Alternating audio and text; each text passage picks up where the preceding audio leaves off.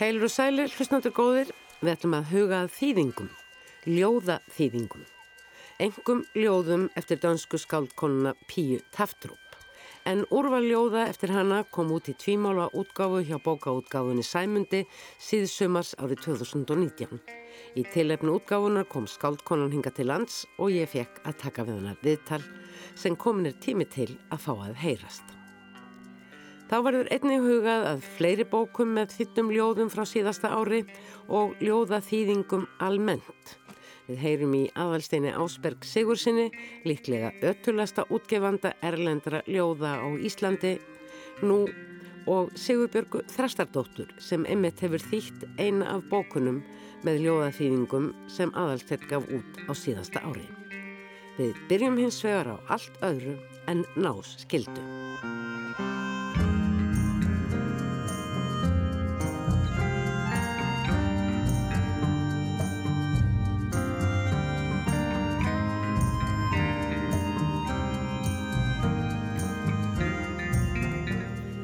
Er ekki á hverjum degi sem varðar eru doktorsreitgerðir í íslenskum samtímabókmyndum. Það gerðist þó í síðustu viku þegar Guðrún Steinforsdóttir varði doktorsreitgerð sína sem ber titilinn Rönnveruleiki hugans er ævintýri. Um valdar sögur Vigdísar Grímsdóttur, enkenni þeirra og viðtökur. Bækur Vigdísar sem Guðrún notaði í rannsóksinni komu út á um það byrj 20 ára tímabili og má segja að það séu dæmi frá ólíkum tímabilum ferils skálkonunnar. Elst þessara bóka er Stúlkan í skóginum frá 1992 en svo nýjasta er Dísusaga, konar með gulutöskuna sem kom út árið 2013. Þar á milli liggja svo bækurnar Þögnin frá árinu 2000 og Trílógían sem kallið hefur verið Þrenningin og eini heldur skáldsögurna frá ljósi til ljós, hjartatungl og bláur fugglar og þegar stjarnar rapar. Í rittgerðinni er leitast við að varpa nýju ljósi á einkenni þessara sagna og viðtökur þeirra og er margvíslegum aðferðum beitt eins og sagði í kynningu á vörð rittgerðarinnar. Og meðal þessara aðferða eru svo kallið hugræn fræði. Þá segir í kynningunni líka að rannsóknin sé tvískipt, annars vegar er hún greining á áðunendum sögum þar sem meðal annars er skoðað ímyndunarafl og sköpunarhæfni persóna, hugaða engaheimum þeirra, ímynduðum vinum, sársöka, sjálfsmyndum, sjálfsblekkingu, samlíðan og valdabaráttu. Aug ástarinnar í margvíslegum myndum og þrár sem ekki er und að uppfylla. Hins vegar felur rannsóknin í sér könnun með eiginlegum aðferðum á tilfinningaviðbröðum og samlíðan raunverulegra lesenda, anspænis personum og aðstæðum í heilum skáldsögum vitisar eða stuttum textabrótum. Til dæmis er skoða hvernig lesendur nýta ímyndrunaraflið og sköpunarhæfnina þegar þeir fylla inn í eigður verkana sem þeir lesa og hversu vel þeim gengur að samsama sig personum og sökva sér þannig niður í sögu heima verkana. Sæl og blessuð, doktor Guðrún Steinforsdóttir og hjartanlega til hamingu með þetta mikla verk og nafnbótina auðvitað. Mér langar í samtala okkar hér og eftir að leggja áherslu á síðari hlutaritgerðuna sem ég hygga sé svona kannski einna nýjast og óvenjulegast við þína nálgun mm -hmm. af því sem kallað hefur verið svona viðtökur í bókmyndafræðum. En áður en við tökum til við það langa mig til að spyrja þig aðeins út í greininguna á nefndum verkum Vittisar. Fannst þér hún leiða í eitthvað nýtt og óvænt í ljós vegna þess að þú beittir einmitt greiningar að ferðum hugratna fræða? E, já, takk kærlega fyrir að bjóða mér yngað í dag. Um, já, sko hugranfræði, þau gagnast mjög vel til þess að skoða verkvíktísar, bæði til þess að greina bækunar hennar en líka til þess að skoða lestrar upplifin fólks. Hugranfræði, þau spanna mjög vitt svið, þau til dæmis sækja til sálfræði, heimsbyggi, taugafræði, eh, bókmyndafræði og málfræði og tölvunafræði og markmið þeirra er að skilja betur manneskuna og skilja betur vitsmunastarf manneskunar, bæði fræðilega og með empiriskum aðferðum. Svo að það, maður fær víðari sín heldur en ella mm. og þeir uh, sem að uh, vinna undir formerkjum húrarna fræða og stunda bókmyndaransóknir líta svo á að uh, það er ekki bara nóg að hafa yfirsinni við textan, heldur sér líka mikilvægt að hérna huga samhengi, aðstæðum, höfundi og lesendum. Og hvernig, sem sagt, tekstin er í rauninni meðtekin út frá þessu sem þú nefndir aðstæðum og svo framvegis. Og sko að því þú ert að spyrja hvernig þetta gagnaðist í bókmyndagreiningunni að þá er það þannig að uh, höfundurinn auðvitað skapar personurnar og þegar hann gerir það þá gefur hann þeim alls konar mannleg hérna einkenni eins og til dæmis e, tilfinningarlíf, vitsmunni, skinnfæri, minni, ímyndrafl og sköpunhæfni og svo kemur lesandinn og notar sitt ímyndrafl og sköpunhæfni til þess að búa til personuna og þess vegna getur við skoðana sem mann líki en ekki bara sem orða blaði mm. og nota til þess alls konar sálfræðilega kenningar. Og við sjáum jú personuna ljós lifandi fyrir okkur þegar við lesum yfirleitt, það kannast allir við það Já. og setjum þær í eitthvað ákveðið umhverfi húsa eða náttúru eh, sem að tengist yfirleitt einhverjum aðstæðin sem að við jáfnvel þekkjum. Já, algjörlega og þetta semst var ég að gera í bókmæntagreiningunni á verkum Vítisar að skoða hérna personunar eins og mann líki og nota til þess ímis uh, hérna ímistar sálfræði kenningar mm. og til dæmis að kanna sko hvernig þær uh, nota ímyndunarblið til þess að takast á við erfileika, uh, sásöka, þjáningu, félagslega útskúfun og þá um leið sko að rannsaka eða festa hönd á kannski hvað höfundurinn er svona undir niður að fara, ekki bara að segja skemmtilega sögu, heldur líka að uh, rannsaka ákveðna mannlega eiginleika og aðferði við að lifa af svo að veitna sér titil uh, einnar af jólabókonum. Já, ymmit, jú, það, það er svo greinilegt hvað Vítis hefur mikinn áhuga á manneskinu hún er alltaf að rannsaka manneskinu og, og kannski svona innan nýju manneskunar, hvernig hún sko býrstu til þess að enga heima til þess að takast á í veruleikan mm. og oft ímynda vini sem að styrkja það og, styðja. Ég man, ég seipaði niður þegar ég var að uh, fylgjast með vörninni að þá kom upp þessi spurning er ekki hægt að ráða við, ímynd, ráða því hvað ímyndaður vinir gerir þurfa þeir endilega að lenda upp á kant við mann? Já, ymmið, þetta kom í tengslum við þögnina því að það er eiga aðalpersonanar tvær, Linda eldri og Linda yngri, ímynda vini. Eh, ímynda vinur Linda yngri er tónskaldi Tjækoski og ammennar á ímynda vinkunni sem heitir Anastasia Poskova og er amma Tjækoski Og sko í upphafi þá er Anastasia kannski svona góður ímyndað vinnur en eftir því sem að líður á söguna þá breytist hún eiginlega ímyndaðan óvinn mm. og hefur vond áhrif á hérna á personuna og, og þetta er eitthvað sem er alveg hægt. Mm. Þekkina til dæmis úr rannsóknum sálfræðinga sem hafa sko börn og ímyndaða vinni að þau eru oft hrætt við skrimslu undir rúmi eða óvættinn í, í skápnum. Svo. Já geta, og geta þá ekki alveg ráðið yfir honum. Nei, einmitt, það geta tekið yfir hjá okkur. Mm.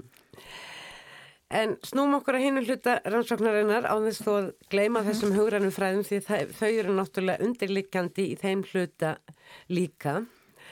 Eh, þarna eh, skoðaður viðbröðið tveimur að ég held uh, þeirra skaldverka sem áður voru nefnd, er, nú fjórum fyrir mhm. Þögninni stúlkan í skóginum? E, frá ljósi til ljós og hérna þegar stjarnar hrapar. Og ég semst að let, eh, hérna, var með tvær gerðir að rannsóknum. Annars vegar tók ég hópviðtöl við lesendur þar sem þau lásu e, stúlkan í skóginum og hins vegar lásu frá ljós til ljós. Og svo let ég stærri hópa lesa brot úr hérna e, þögninni og þegar stjarnar hrapar. Eginlegar rannsóknir byggja ju ekki á því að kanna afstöðu fjölda til einhverja ákveðna hluta og finna þannig út hvað flestum finnist, -hmm. heldur byggjast það einmitt eins og þú segir á beinum viðtölum sem jafn, en jafnframt líka úrvinnslu á því sem að þar kemur fram og uh, þitt verkefni var svolítið að finna ástæðu fyrir því hvers vegna fólk brást við eins og það það gerði, mm -hmm. hvað í tekstanum innihaldi hans og formi kallaði fram ákveðin viðbröð mm -hmm. og það kom til að myndi í ljósaði sumum tilveikum hafið bakgrunnur fólks mikil áhrif á viðbröð þess uh, hversu mikla æfingu það til dæmis hafði að lesa ákveðina tegundi teksta mm -hmm. Eða beinleginins mentun og þekking á því efni sem að var verið að fjalla um samanber tónlistin í þögninni og, mm -hmm. myndlistina í þrenningunni. Já. Segðu aðeins frá þessu. Það var nefnilega mjög aðteglisverð. Já, þetta var svolítið forveitinlegt. Ég nefnilega tók sem sagt í, í þögninni er mikið um tónlistalýsingar og þess vegna fekk ég tíu tónlistamenn til þess að lesa tekstan hjá mér og svo tíu sem höfðu ekki tónlistamenn baki. Og ég einhvern veginn gerði ráð fyrir því að tónlistamenninni myndi tengja mjög stert við tekstan og tengja við sitt sérsvið og margir gerðu það. En svo kom í ljós að sumir áttu mjög erfitt með tekstan og gáttu alls ekki tengstunum af því að e, málfarið og líkingarna sem voru notar um tónlist voru ekki samræmi við þekkingu þeirra á reynslu. Og til dæmis að tala um í tekstunum um áreynslu lausa víjuletóna En það er einhverjur rosalur brandar í tónlistarheiminum að, víólur eru aldrei áreinsluleysar og hérna til dæmis er brandari sem er eh, einhvern veginn svona, hvað er líkt með víólu og eldingu, þeimslar aldrei niður á sama stað, svo hérna þeir bröðu sem sagt mjög ókvæða við þessu. Mm. Svo ég ákvaða að leita til... Bölvi vittlisa bara. Bölvi vittlisa.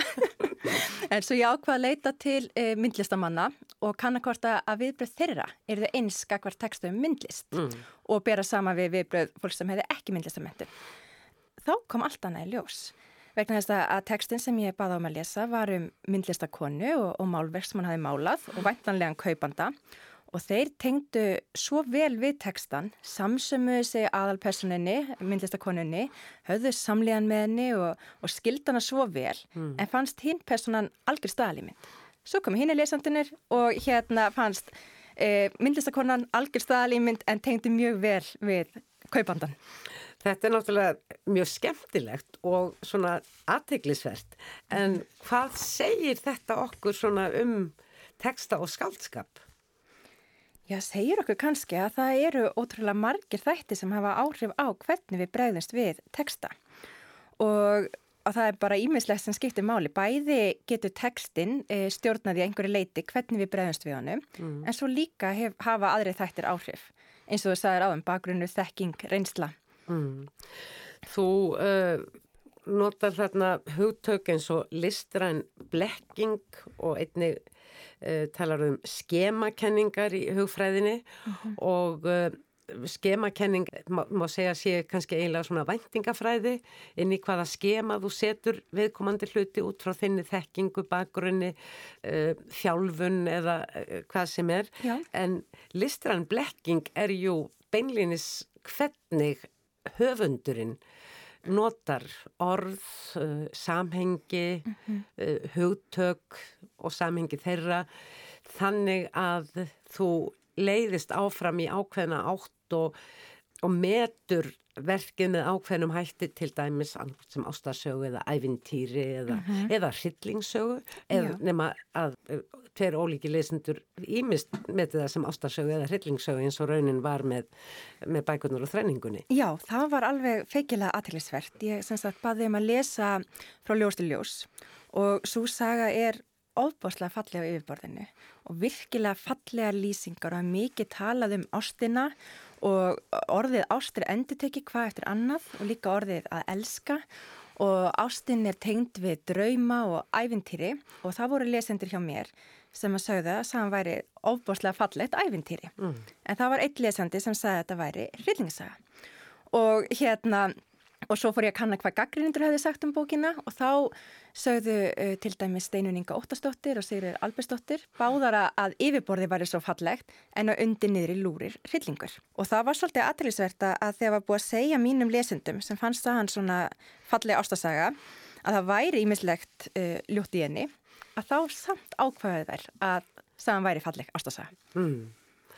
Það, mér fannst uh, mjög aðteglisvert einmitt að, að fylgjast með þessari umræðu og eins grein sem þú skrifaðir í reytið mhm. um þessi atriðum, þennan hluta rannsóknar er mjög aðteglisvert og gera verkum eiginlega maður svona ætti það til í framtíðin að staldra svona við texta, byttu nú við, hvert er þessi texta að reyna að leiða mig, er hann að blekja mig? Já, og þetta er kannski líka... Eða á hann kannski að blekja mig, á ég að láta blekjast? Já, það er kannski sem höfundurinn er að reyna að gera, plata mann, leiða mann ákveðnar tólkunarslóðir, mm. en þá kannski líka kemur til sögunar að eins og ég sem bókmyndafræðingur þjálfið í að stunda stríðanlestur, kafundir yfirbordið og það er um það sem ég reyndi að gera í rítgerðinni og í þessari grein að því ég fyrir líka að skoða hugsanlega kynferðslega áreitni mm. sem er ekkert augljós en, Nei, en er eh, kannski falin þarna bakvið. Mögulega. Já. Við látum það lesundum eftir að dæmu um það en það er aðteglisvert að skema mhm. bókina mm -hmm. út frá því. Það getur Já. verið það. Einmitt. En það sem að líka mér finnst koma svo glögt í ljós hvað áhrifamáttur bókmenta tengist líka kannski jáfnvel ákveðnum tímum mm. og kannski bara þeirri umræðu sem hefur verið ríkjandi í samfélaginu eða umhverfinu á viðkomandi tímum. Ég dætti hug til dæmis þessi tími í íslenskum bókmentum það sendt á sjönda áratögnum og svona frammettir það sem mikið er um svo kallar það kvennabókmenti, bækur um Já. konur mm -hmm dæmir að verk svöfu og vissulega fleiri höfunda þó hún kom kannski svolítið fyrr út fyrst. Mm -hmm. en þarna var líka allt samfélagið svona svolítið í þessu skema allavega ákveðin hlutið þess. Já, já, algjörlega. Og hérna, og, og mjög mikið talað um bækur veitis að sem hvenna bókmæntir mm, Það líka Til já, dæmis. já. Hún, hérna... hún vext náttúrulega upp úr þessu sem höfundur. Já. Og skrifar mikið um konur og stúlkur Já, og er einmitt svo mm. ótrúlega óhrætt við að gera það og fjalla um ímis málefni sem lengi hafa verið tabú mm. og til dæmis e, ræðir ofinskátt um ofbeldi, vald og valdaleysi, mm. kynfyrstætt ofbeldi og er ofta sína sjónarhort e, barna og hvenna. Og það er kannski engin tilvílun að þú bætir emitt uh, dísesögu uh, stúlkan með gauðlu handtaskuna með uh, þó hún komi út nokkuð síðast uh, og allöngu eftir að stræningin kemur út tíu árum síðar næstum því. Já.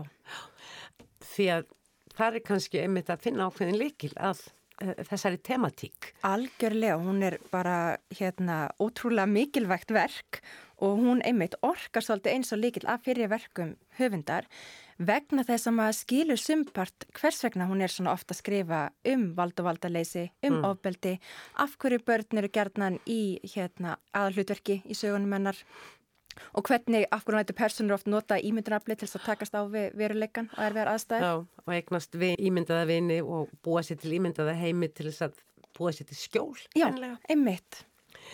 Svona lókum, hvaða mikilvægum spurningum finnst þér þú hafa komist nær eða ég vil tekist að svara með þessari rannsókn? Nú hörfaru bara undan. Svona spurninga má ekki spyrja. Náttúrulega svör við spurningum leiða gerðnan til nýra spurninga og en einhver tíma þarf að loka rannsókn og segja hér er komin síðasti punktur og, og byrta niðurstöður en hvað sínist þér svona hvaða spennandi rannsóknar efni getur orðið til svona í framhaldi? Eh, það eru þetta bara mjög spennandi að kanna frekar eh, lestrar upplifum fólks, mm. hvernig það bregstu texta og að því að... Og hvernig textin býr til þessa upplifun. Já, það er einmitt þess... Fannst það ekki síst spennandi. Nei, því að maður, þenni... þetta er í rauninni tvíþætt sko. Hvað er það í textanum sem kallar á hérna viðbröðin, hvernig orka texti, hvað áhrif hefur hann mm. og líka hvað er það sem gerist í lestrarferlinu, hvaða tilfengar vakna og hvers vegna og líka að með því að beita alls konar kenningum, uppgötunum og rannsóknum úr bæði lífvísindum og mannvísindum þá getur við líka skilið eins og persónu viðtísar betur en áður og það finnst mér virkilega áhagvert og eitthvað sem ég vona að flestir fara að skoða en þá frekar. Og það getur dæmis fyrir mjög spennandi að beita þessum eiginlegu aðferðin til dæmis á valdar Íslandingasögur. Já, það væri bara mjög spennandi og, og það hefur nú reyndar aðeins fyrir gert. Berglind Sofía Kristjánsdóttir hefur uh, kannad upplifun uh, úlinga í gard Íslandingasagna, uh, brotur Íslandingasögum, þetta er sagt. Mjög aðteglisvert. Mm -hmm. En þetta er sem sagt aðferðafræði innan bókmyndafræðana sem að hefur verið að reyðja sér til rúms á síðustu hvað 20 árum eitthvað því líkt en er stöðugt að eflast. Já og er bara eflist meir og meir og líka sko einn ástæðan fyrir því er svo að allan bókmyndafræðingar og hugfræðingar hérna, leggja áherslu á að bókmyndi miðli fyrst og fremst tilfinningum og þess vegna sé svo mikil svirði að skoða þessa tilfinningar hvaða er sem gerist við lesum bækur mm. Það er þetta með samlíðanuna Já. Sem að oft er talað um á tímum mingandi bóklesturs að kannski fá ekki nægilega örfun og þjálfun. Mm -hmm. ef við höldum ekki áfram að lesa bækur. Já, og láta hlutin að verða til í höðun á okkur og í hjartan á okkur. Já, örfa ímyndunaraflið, fengi okkur til að upplefa tilfinningar og oft auki skilning okkar betur á öðru fólki Guðrún Steinforsdóttir þakkaði innilega fyrir komuna og opna okkur sín inn í raunveruleika hugans sem er ævintýri Já, Takk kærlega fyrir mig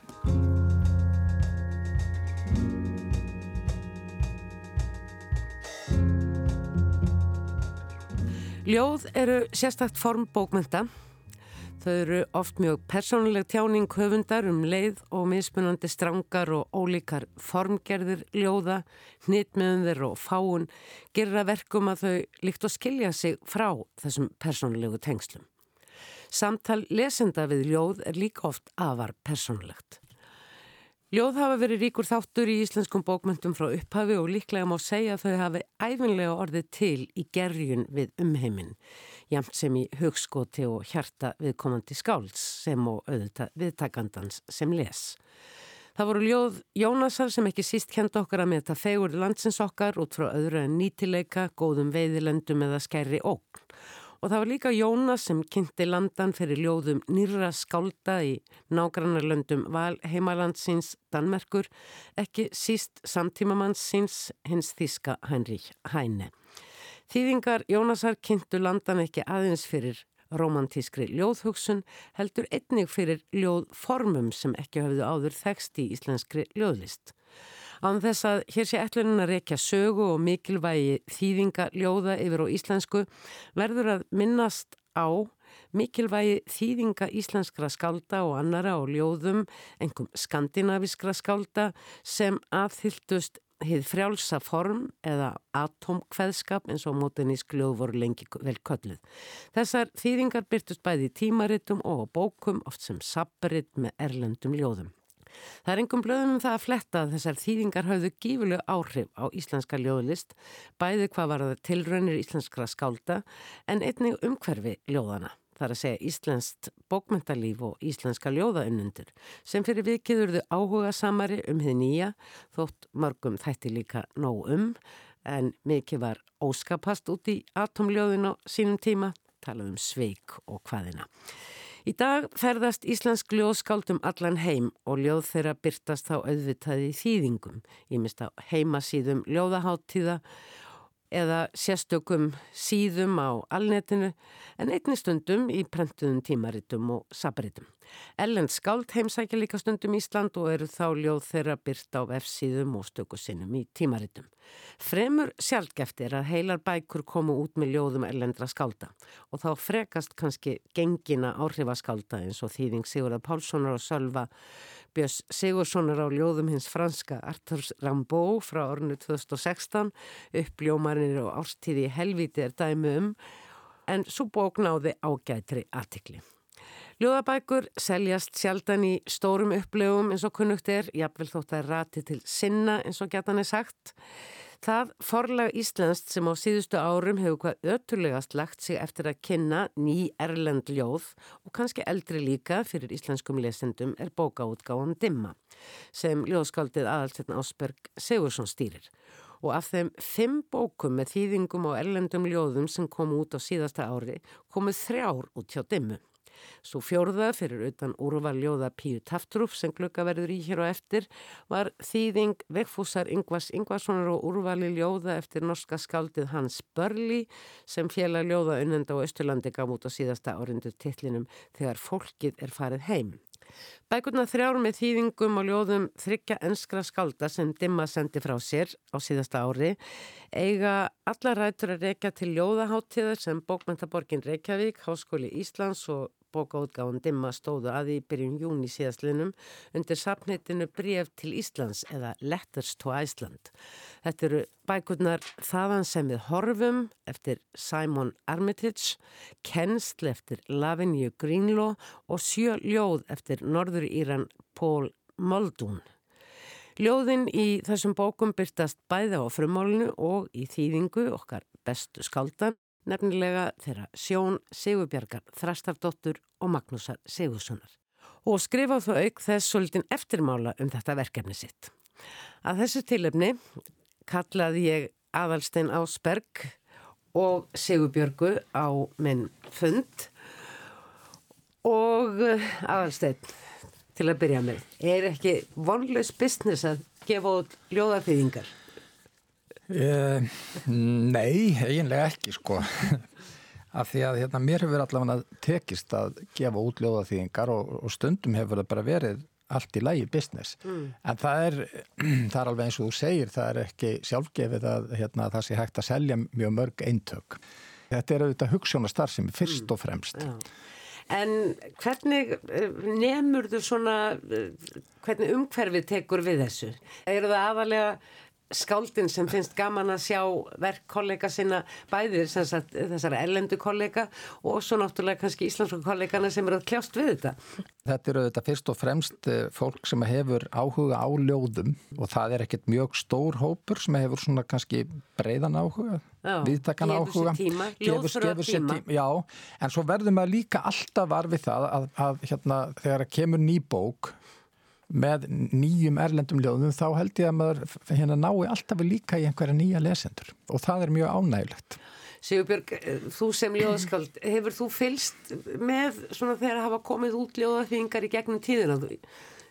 Hér á Íslandi meina Já. Já, það er nú svona, maður byrja nú bara á að fá, fá þetta held í fermingar og, og stúdentskjafir og eitthvað, spreka, mm. reka og, og alls konar svolítið bækur. Já, já. Og, og, og einhvern veginn hefur maður tilfinningur að þýðendur hafi verið svolítið frægir hérna áður, Magnús Áskísson og, mm. og einhver svona sem stóðu í þessu Já, þeir, þeir fengur alveg svona kredit fyrir að, að flytja inn nýja rættir En finnst þér ljóð eh, svona fyrir þig sem ljóðskald hefur þau eitthvað fundi fyrir þessari nöðsin að vera í tengingu við umheimin og ferðast þú mjög mikið með þín ljóð og hefur kynst ljóðskáldum út um allan heim. Mér finnst það orðið eins og eðlur hluti af starfinu einhvern veginn að vera bara innan um kollega af sama uh, ég segi ekki endilega sama aldrei neitt, heldur bara já, bara aðra kollega heldur nöru mm. hér. Og, og það er eiginlega langskendlegast þegar maður sko hittir sama fólki sem mann kannski líkar vel við á, á hátíði útlöndum. og svo líða kannski 2-3 ára eða 4-5 og hittir maður þau aftur á eitthvað allt annar hátíð, eitthvað allt öru landi mm. og þá er strax sko orðin sterkari þráðurinn og, og bara eitthvað neginn allt í námaður sko fjölda vina. Þetta er bæði sko svona sósjál og þetta er eiginlega svona faglegt og, og svona, það er marga hliðar á þessu að hitta Já.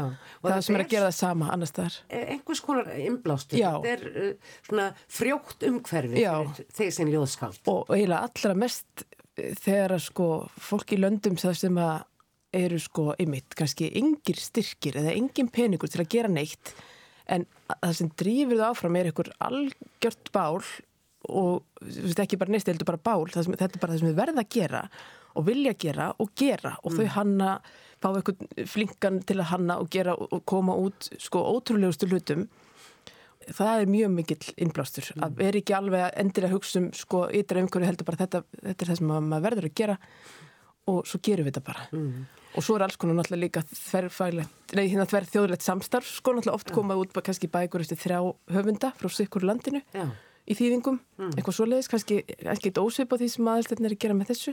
En aðalstegn, þetta er ekkit fyrstu þýðingarna sem þú gefur út og stunda þetta í ára tí. Já, ég, sko, útgáma mín byrjaði með það, það, það var eitt af verkefnunum, var að gefa út ljóða þýðingar og það er svona lagði, segi kannski, það var lagði einn stein, einn hort stein, mm. stein þar og það var hreinlega vegna þess að mig langaði til þess að gefa út ljóðaþýðingar og ég vissi að, að aðrir útgefundur hefðu kannski ekkit mikinn áhuga á því Og, og ég verð nú að segja sko, þetta er mjög missamt eins og ég sagði áðan og, og til dæmis ég hef gefið út eina bók sem ég gaf út fyrir mörgum árum síðan, hún var eiginlega metsölubók og ég þurfti að endurprenta hana, það var, voru ljóða þýðingar, þannig að hún er, hún er aftur uppselt að það er bók eftir amerískan höfund sem heitir Hal Sírovits Þetta er eiginlega svona gamansamur kveðskapur og ég hugsaði hann aðalega fyrir, fyrir, fyrir, fyrir hérna, unglinga og foreldra, þetta er svona skemmtilegt að lesa það upp. Já. og svo bók seldist bara upp í tvígang það er bara svona dæmum það, það sem getur gæst, þannig að maður veit aldrei hvað maður er með í höndunum. Þetta, það sama gerðist nú fyrir nokkrum árum þegar það kom út stórt sapn af, af ljóðaþengum Girðis Eliassonar, tunglið braust inn í Já, húsið. Hún, hún, hún seldist gífurlega vel. Já og, hérna, og þá er ég að tala um nokkur hundruð eintök sko, það, mm. það terst góð sala. En mér langaði líka til að koma inn á það, þetta sem að Sigurbjörg var að segja, sko, þetta samfélag ljóðskálda og svo berða við að maður kemur til í sko annað land þar sem að skáldsögur eru ekkert hátt skrifaður en ljóðskáldin og, og, og ljóðabækunir eru aðal atrið mitt eftir í hug litáin þegar kom þangað fyrst. Bara, þar eru bara ljóðskáld og ljóðabækur en það eru bara frekar fáir sko sem eru að fást við prósa. Já, Þannig að þetta er mjög misjamt eftir landsvæð. Mm. En hvernig finnst ykkur svona erendin ferðast? Ég talaði um áðan sko, ljóðformið er mjög personleg mhm. tjáning mm -hmm. og uh, oft mjög tengt sínu umhverfi og samfélagi. En uh, samt sem áður uh, hafa ljóðferðast og finna sér erendi, hvernig, til dæmis þegar þú ert að velja, er þetta hvað ég segja, aðalega kunningskapur, þú kynst skáldónum og ljóðum þeirra betur og þekkir svona bakgrunnin eða er þetta eitthvað sem þú rekst á í blöðum og netinu. Og... Stundum eitthvað sem ég rekst á, eins og þessi bók sem ég nefndi sem var eh, meðsölubók, ég rekst á þýðingu út í Noregi af bókinni og þá fór ég að rekja hana og sá, já þetta var ljóð eftir ljóðskáld í New York sem er geðingur og skrifar svona bráð skemmtileg og öðruvísi ljóð. Ég veist að þetta á erindi til okkar að því að það er engin að semja í þessum and á Íslandi. Það var svona, það, það, ég hugsaði það. Og þegar ég er að velja þá finnst mér mikilvægt að við fáum hinga svona stefnur og ströyma sem við eigum ekki hér til þess að bara svona leta einhvern veginn svona okkar. Og við auðvitað þegar við þýðum uh, hérna, þýðendurni þá erum við líka að gera þetta dálitið að okkar. En svo má maður líka uh, sko getur maður reikna með því að þó að uh, sko ljóðin sí, hafi sína persónlegu rödd sem sagt og séu einstök á frummálinu þá gerist það líka og þetta hef ég rætt við skáld annar staðar að það getur bara verið að, að, sko, að það sem að kemur út úr þýðingunni verði í rauninni bara eiginlega ennþá líkara því sem að ljóðskáldi var að hugsa upprunalega. Mm. Þetta sagði við með norsk skáld fyrir mörgum árum síðan og sagði ég öfunda eiginlega þig að þinni gerð af mínu ljóði að því að þarna nærð þú miklu betur því sem að ég ætlaði að gera en það er ekki hægt á norsku að segja þetta svona en það er hægt á íslensku. Þetta er svona sérstakt verkefni svolítið breyf til uh, Íslands og öll þessi skáld sko eða allavega þessi ljóð þeirra þau, þau ná til Ísland sem þeirra hafa greinilega dvalið hér á landi eins og uh, Þau hafa öll gert það. öll Já og það, þetta var svona rammi fyrir þessa útgáfu. Öll skáldin höfðu komið oftar en einu sinni sem, sem er þessi oftar. Uh, Simon Armitage hefur komið oft til Íslands alveg frá árinu 1990 þrjú eða fjögur minn mig. Og við völdum svolítið inn í bækurna líka, nú fengu hérna sko þýðendurnir, þeir fengu að velja úr en ekkert úr of sko stórum bunkafljóðum og hugmyndin var svona að það hefðu einhverja skýrskotun og Sigur Björg valdi til dæmis til ljóð sem að hún vildi þýða. Mm -hmm. Og þú komst að raunum að þú kannadist við Armitage, þú hafði Já, ég hafði hitt hann. alveg rétt, já, fyrir mjög mörgum árum. En hérna, ég held að þetta sé talandum hvað ratar og hvernig það gerir sig í rauninni á, á nýjum stað þá held ég að e, þetta sé kannski ekki eins framandi og maður heldur þegar maður er komið þýtlu vegna að það hefur einmitt farið í gegnum einhver svona síu, það er ekki allt þýtt eðlilega. Og það sem er þýtt það er eitthvað sem að þýðandin eða útgifandin hefur gripið í, út af einhverju, mm. veist, það, það, það talar til hans og þannig held ég að, að já, og þannig held ég sem meiri líkar á að tali til sko fleiri á hans svæði mm. einhvern veginn, þannig að þetta er mjög oft einhvern veginn þannig að þýðandin velur eða, eða tekur semst gerist miðlinn í rauninni mm. og hann þekkir viðtöku svæðið einhvern veginn. Þannig að þetta er ekki eins mikið svona hipsum haps og kannski Uh, maður myndi halda, nei, betur, hér er allt í nú komin, ég veit ekki hvað, egifskur höfundur eða eitthvað, eða skiluru, þetta er alltaf þetta er komið í gegnum einhverja kanala og svo verður þetta, ég menna ég var bara um daginn, ég var þýða ég er engin þýðandi en, en, en var samt að þýða ljóðutur ítalska unga skáldkonu, svo fyrir að hugsa þennar leiðinni, bara að hugsa, já menna, það eru villisvín og það er uh, versmiða í landi sem enginn hefur heyrt um, alls konar hluti sem er ekkit hér og bara, þetta bara, það skiptir einhver máli Nei. eiginlega vegna þess að erindið og inntækið og andin er, er eitthvað sem tala til maður, alveg mm. sama þó að hlutirnir séu einhverjir nýstarleir sko fyrir, fyrir okkur Ég vil líka bara sko taka beint og segja sko að ljóðin hafa það að sumuleiti fram yfir prósa að í þeim er sko eiginlega svona tónlist, þau eru meir svona eins og tónlist mm. og hérna ef maður nær því að, að, að, að búa til sína gerð af, af erlendu ljóði þá er það bara svona eins og maður svona, er að taka tónverk og, og maður flytur það og gerir það sínu. Mm. Það er eiginlega svolítið þannig. Mm. Það er nefnilega líka svo skemmtilegt í þínum eftirmála Sigurbjörg að þá talar þau um að þú hafið litið fram hjá til dæmis eh, endarými á mörgum stöðum en kannski skotuðum en stöðlum frekar og þar erum við svolítið komin með eh, Eh, kannski eins og atomljóðu þróaðist hér á, á Íslandi á, á, síðustu öll að stöðlarnir hafa svolítið haldið sér og það er ákveð músík. Já, já, og ég sé hans ljóðum það er alveg, það er eitthvað svona ég veit ekki hvað maður segja, innri taktur það er eitthvað svona, sumt er svona halv rímað í rauninni, þetta er ekki mjög háttbundið en það er alveg hluti sem kallast á. Þannig að stundum, já, var hægt að nota einmitt rím þó að vera ekki endilega akkurat á sömu stöðum eða halvrým, innrým eða, eða í mitt stöðla sem mm. gera mjög mikið sko, til þess að halda þessu saman og svo kemur það náttúrulega ljós þegar maður les upp með viðkomandi hvernig, og þá er gaman að bera saman sko, hvernig hann les upp sitt og svo hvernig hann lesið upp sko, þýðingin lesið. Já, það er gott að hafa heyrt ljóði lesið, að hafa heyrt höfundin lesa ljóðið, það er mjög gott til þess að einhvern veginn maður skinni betur hérna, rithmannið. Ég tala nú ekki mm. um en maður er að þýða sem að við gerum nú stundum að þýða úr, hérna, með millimál. Þannig að það er eitthvað mál sem við skiljum ekki er hérna bara, já, bara framandi tungumál eða maður skilur pínlítið í því en ekki, ekki nóg. Þá er mér mikilvægt að fá sko hljómfallið. Að þá skilur maður einhvern veginn betur mm. hérna, tónlistina. Tónlistina það, það, það er annað sko Þetta er mikið, mikið samtal og mikið samskipti sem að eru að baki einni lítilli ljóðabók mm -hmm. eða einni lítilli ljóðaháttíð þar sem ljóðskáld frá mismunandi stöðum koma mm -hmm. saman Já. og þetta er oft mjög vinsælar samkundur, ekki samt? Alveg heldur betur, það er sko það, fólk er í þúsund, þúsundavís get ég alveg sko sagt og staði við, hundravís og, og þúsundavís í, í emitt og fer náttúrulega svolítið eftir löndum eins og aðeins þetta segir, það er, en það er alveg, getur alveg rosalega stemning. Á sumu stuðum þá er sko klappað inn í miði ljóði, ef það bara kemur góð lína þá er bara fagnat. Þetta er algjörlega ótrúlegt sko.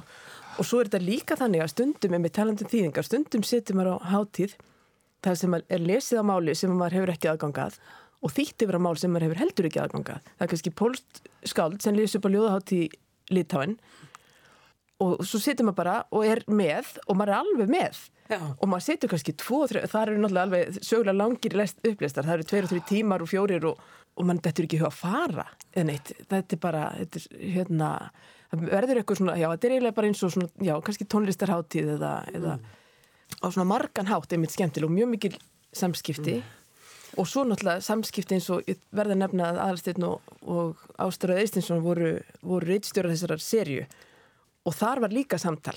Já. þegar við vorum búin að þýða þá komu þeir og, og, og lásu með okkur og, og sögðu sitt. Þannig að, þannig að þetta, er, þetta er mjög hérna, mikið samfunnu verkefni og svo erum við að tala um þetta núna mörgum mánuð já, já, já, já, já því að við værim ekki aðeins að, að ef okkur finnst þetta ekki gaman. Mm. en síðan lifa ljóðin svo lengi.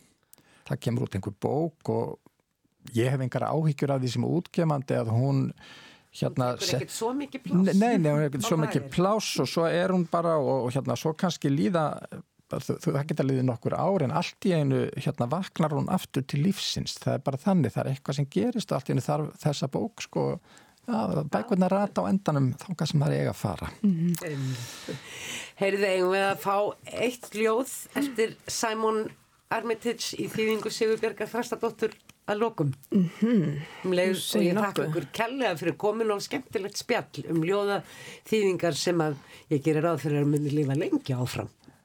Já, það er en, en, engin vaf á því það verður eiginlega að koma því að að sko við ákáðum að þessar bækur kæmu út um ári áður en það er koma út mm. en svo gerist það þegar þessi bók sem að Sigurbjörg alltaf að lefa okkur að heyra ljóð úr þegar hún er bara, hún er eiginlega að fara í prentun að þá er, er hann Simon Armitage útnefndur lárviðarskáld breyta, hann fær sem sagt aðstu viðkenningu yeah. þeirra sem ljóðskáld. Og það var mjög gaman að geta smelt í aftan á bókina. Ég segi Gerðu svo vel Sigurbjörg. Þaðan sem við horfum ripnar landið eins og rennilás og gín. Og málsháttur myndast um afstöðu diska og botla of nálagt borðsins brín. Sólinn er lausamynd sem snar snýst niður hjá heimskauta tegi. Dagarnir siktast og síjast gegnum nætur og næturnar koma íblandaðar degi.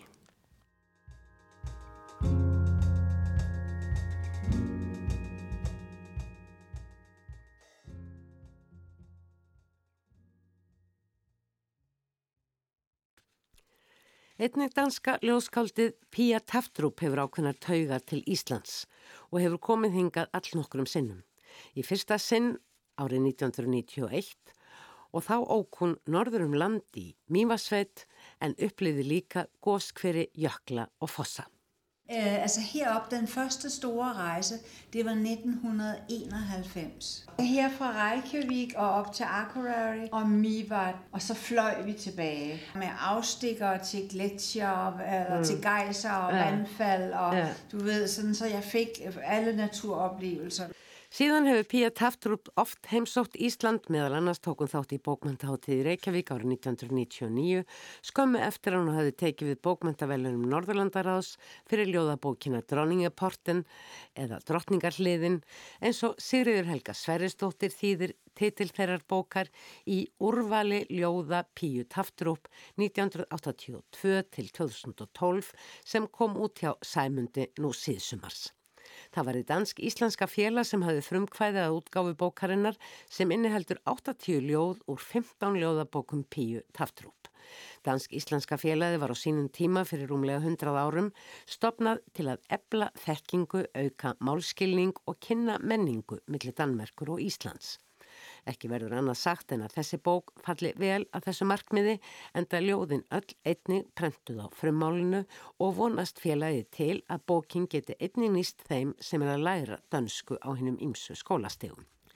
Pía Taftrup telst til virtustu skálda í Danmarku. Hún fættist í Kaupmannahöfn árið 1952 en til Kaupmannahöfnar höfðu foreldrar hennar snúið aftur eftir að hafa sem gýðingar flúið frá Danmörku á meðan á hernámi þjóðverjastóð. Pía lög kantmagprófið frá Kaupmannarárskóla árið 1977 og árið 1981 kom fyrsta ljóðasafnanar út, Notergór húl en engel eða þegar engill brestur. Á ferli sínum hefur hún sendt frá sér vel á annan tug ljóðabóka en einnig skrifað nokkur leikrit, fáinar skáldsögur og bækur um skáldskap. Ljóð hennar hafi verið þýtt yfir á fjölda tungumála og hún ferðast um víða veröld með ljóð sín. Ekki man ég alveg hvers vegna en þegar ég hitti Píu Taftrup í ágúst lok á síðasta ári þá baði hana fyrst um að lesa ljóðið Uene Ræsa eða ferðarlag orðana sem fjallar um þetta verkfæri hennar orðin sem einnig eru efni viður í ljóðlistinni en augljóslega líka heimkynni hennar. Orðin sem hafa farfugla hjörtu vilja ná til annara og Ég lifi með þessum fuggla orðum, söng þeirra og hása gargi, eins og segir i niðurlægi ljósins. Ordene rejser. Jeg bor i et andet land, men forlader alligevel ikke mit hjem. Alfabetet tager jeg med, og grammatikkens strukturer, ordenes betydning og betoning, Uanset hvor på kloden jeg slår mig ned, bor jeg i sproget, jeg er født ind i. Ingen storm af andre sprog vælter mit omkuld. Jeg er jeg i mit eget sprog, drømmer på det, der tilfældigt blev mit modersmål. Jeg skriver hjemme, skriver ude, overalt det samme. Ordene har trækfuglehjerte, viser dissektionen. De vil nå en anden, og jeg lever med disse fugleord, der er sang og hæse skrig. Í framhaldi rættum við svo auðvitað svo litið um þýðingar en ljóð Píu Taftrup hafa sannlega verið þýtt yfir á fjölmörg tungumál eins og áður saði en hún sjálf líka þýtt erlend ljóð yfir á sitt móðurmál, dönskuna. Pía vildi reyndar ekki gera mikið úr þýðingum sínum, hún hefði þýtt úr sænsku aðalega og ástæðan væri fyrst og fremst svo hún hefði heitlast af viðkomandi ljóðum sem eru eftir Efu Ström, Túi Foström og Katrínu Frostensson fyrst og fremst. En allar þessar konur hafi verið tilnemdar og sömar ég vil fengið bókmyndavelun Norðurlandaráðs. Jeg har oversat nogle digtere, jeg holder utrolig meget af. Arne Jonsson, mm. Og det gør jeg, fordi jeg holder deres poesi, og fordi det er vidunderligt at gå ind i et andet univers og komme væk fra... Fyrir utan hrifningu á viðkomandi skálskap segir Pía ástæðuna fyrir því að hann sé að þýða þá að það sé svo stórkoslegt að gangin í annan heim og um leið komast út fyrir sinn eigin aðlast þannig eitthvað sem hún síðar taki með inn í sinn eigin heim. Það er svo holdt að skoða hvernig aðrir vinna með tungumáli, segir hún. Og ef hún mögulega geti tungumála kunnáttu sinnar vegna, þá viljum vera sínum þýðundum innan handar. Að orðin hafi farfugla hjörtu, eins og segir í ljóðinu, vísi til þess að þau vilji eiga samskipti við aðra. Vi skriver jo i håb om at blive forstået, men vi bliver ikke altid forstået. Der er sådan få lykkelige glimt af forståelse, og dem sætter man vældig højt. Mm. Altså det, det er noget af det bedste, man kan opleve som menneske, det er, når der er en, der, der forstår en. Við skrifum í þeirri von að einhver skilji það sem við erum að fara. Stundum texta en oftast leiftarar aðeins einhvers konar vænting um hamingu þess að hafa verið skilin. Allra bestu augnablikin eru þau, segir Pía Taftrup þegar maður finnur samhljómin. Og þannig upplifum maður júljóð Píu Taftrup. Það er að sem lesandi finnur maður að ljóðin vilja eiga erindi við mann. Personlegt erindi jafnvel. Pía Taftrup játar því að ljóð hennar séu personleg en segist vona að það er ekki við að ljóð hennar séu engaleg. Ja, forhåbentlig personligt, men ikke privat. Altså det, jeg gerne vil, det er at, at tage fat i noget, hvor, hvor du kan genkende ting i dig selv. Mm. Øh, at, at det trods alt er noget alment menneskeligt, noget eksistentielt, jeg har fat i. Hún vilji gerna koma í orð hennu sammannlega, segir hún, því sem tengir okkur tilvistalega, án sem það tengist henni sjálfri prívat eins og kennitalan. Ljóð snúast um tilfinningar og reynslu, líka það sem er erfitt en við þekkjum öll. Þessu til staðfestingar segir hún litla söga af því þegar hún las upp úr ljóðabóksinni Hestar Tarkovskis en þar fjallar hún um föður sinn sem undir það síðasta var illahaldin af elliklöpum. Upplesturinn var í Argentínu og þar hefði einn áhærenda brostið í grát vegna þess að hann þekkti aðstæðuna svo vel sem hefði þrátt fyrir allt glattana því það staðfesti að það hefði tekist að ná fram kernanum í þessum aðstæðum sem við flest lendum í, nefnilega að foreldrar okkar verði gamlir og hjálparvana og setja tilfinningar okkar gagvart því í orð. Og, og derfor så, at den slags ting er, er øh, ja, det er noget af det, jeg gerne vil kunne sætte ord på. Undan farin ár hefur Pía Taftrup lagt sig eftir að skoða skilningarvitin 5, lyktarskinnið, sjónina, bræðskinnið og svo framvegis. Eitthvað sem við lifum með og beitum án aflátt sem hugsum kannski ekki mikið um. Nú þegar hafa komið út í Danmörku þrjár bækur í sériu hennar um skinnfærin. Bragð af stáli, lykt af snjó, sín ljóðsins. Fjörðabókinn um skilningavitin er væntanlega í vor og svo fymta er í vinslu. Þetta er heilmikil rannsók, segi Pía, sem hún hafa tekið tíu ára lífið mínu. En það vil til að ég hef áhuga og enda þessari vinnu. Enda skinnfærin eða skinnjun alltaf verið ríkur þáttur í verkunum. Og det er en kæmpe undersøgelse, som jeg er, er i gang med, som vil tage 10 år af mit liv at, at lave. Men uh, der er ikke noget, jeg heller vil. Og sansningen har jo altid været meget tydelig mm. i, i mine bøger. Men, men nu, nu Í raun er þetta ómögulega rannsók, segir Pía. Því skinnjun okkar fyrir auðvitað æfinlega um öll skilningavitin, ekki eitt í einu. En það hefur verið gaman að fara út og einbeita sér að skinnjun eins þeirra til dæmis lyktarskinnjunu og reyna að koma þeirri skinnjunu í orð þannig að auki öðrum forvittin til að taka betur eftir skinnjun sin. Prøve at, at skrive, hvad, hvad lugterne betyder, hvad smagen betyder osv. Mm. Det, det, det optager mig de her år. Og det, det, det er jo ikke fordi, jeg sidder inde med en løsning på nogle ting, men, men jeg laver den undersøgelse, som forhåbentlig vækker lidt nysgerrighed og, og får andre til at tænke efter og, uh, og, og mærke eftir selv. Mm. Þetta verkefni hefur ekki síst verið með mikilvægt vegna þess að það kreft heilmikillar innpeitingar og þess að gefa sér tíma til að fylgjast með eigin skinnjun, segir Pía Taftrup um verkefni sitt um skinnfærin. Nú til dags er erillin svo mikill að við tökum ekki almennilega eftir umhverju okkar því sem við skinnjum, heldur flítum okkur bara að framkvæma allt sem við þurfum að gera. Hún segist trúa því að eitt af hlutverkun ljóðlistarinnar sé að skerpa sín okkar á heiminn. Ég held ekki að ljóð leysi vandamál en þau skerpa skinnjunina og það gerur okkur meira ábyrg. Jeg tror ikke digtene kan øh, løse vores problemer som sådan, øh, men de kan gøre, altså i og med at vi skærper sanserne, i og med at vi vågner op Stundum þegar ég lesi eitthvað skarpt og hnitt með þá er eins og ég vakna af blundi. Heimurinn verður svolítið öðruvísi. Nýjar hugmyndir vakna og löngun til að gera eitthvað. Ljóðið býr yfir slikum krafti og það er bara talsvert. Og den kraft kan digtið give, og det er jo faktisk ganske meget. Pía Taftrup segir orð og texta hafa á hennar heimili við jafn mikilvægur kostur og matur og borðum og svefnum nætur. Það hefði mikið verið lesið fyrir hann sem barn og bóklestur hafi verið henni afþreying frá fyrstu byrjun. Síðar stundaði hann háskólanám í dönsku og bókmyndun. Þá var hún byrjuð að skrifa ljóð en það hefði ekki verið fyrir hún losnaði undan stöðluðum svörum háskólans á þeim tíma að ljóðin fór að taka á sig mynd. Aðspurðum fyrirmyndi segist hún lengi vel aðalega að hafa lesið prósaverk. Da jeg gik i skole, og, og da jeg læste som ung, så læste jeg faktisk øh, meget prosa. Men øh, på et tidspunkt øh, kom jeg til, gik jeg på et hold på universitetet, hvor vi læste helt ny poesi. Og det var så dengang Inga Kristensen. En svo kom að því í námskeiði í háskólanum reyndar að hún kynntist nýri ljóðlist, Ingar Kristensen, Per Hóiholt og Ívan Malinovski. Það var sem sagt í háskólanum að ég kynntist þeirri ljóðlist sem ég fannst ég eiga heima í. Minn skáldaskóli var með öðrum orðum lestur framhúskarandi danskra ljóða, síðar hafa svo líka bæst við erlend ljóð. Og kom altså inn í poesín við að lesa uh, virkelig góð dansk poesí Siden har jo læst meget udenlandsk poesi også. Pía segir ljóðin koma til sín hvert með sínum hætti. Þegar hún var yngri komuðu eins og tilfallandi, ekki með markvisri leit. Orðin bara koma og þar með er eitthvað komið á stað. Manneskjan er þó líklega megin viðfangsefni Píu taftur upp í ljóðum hennar.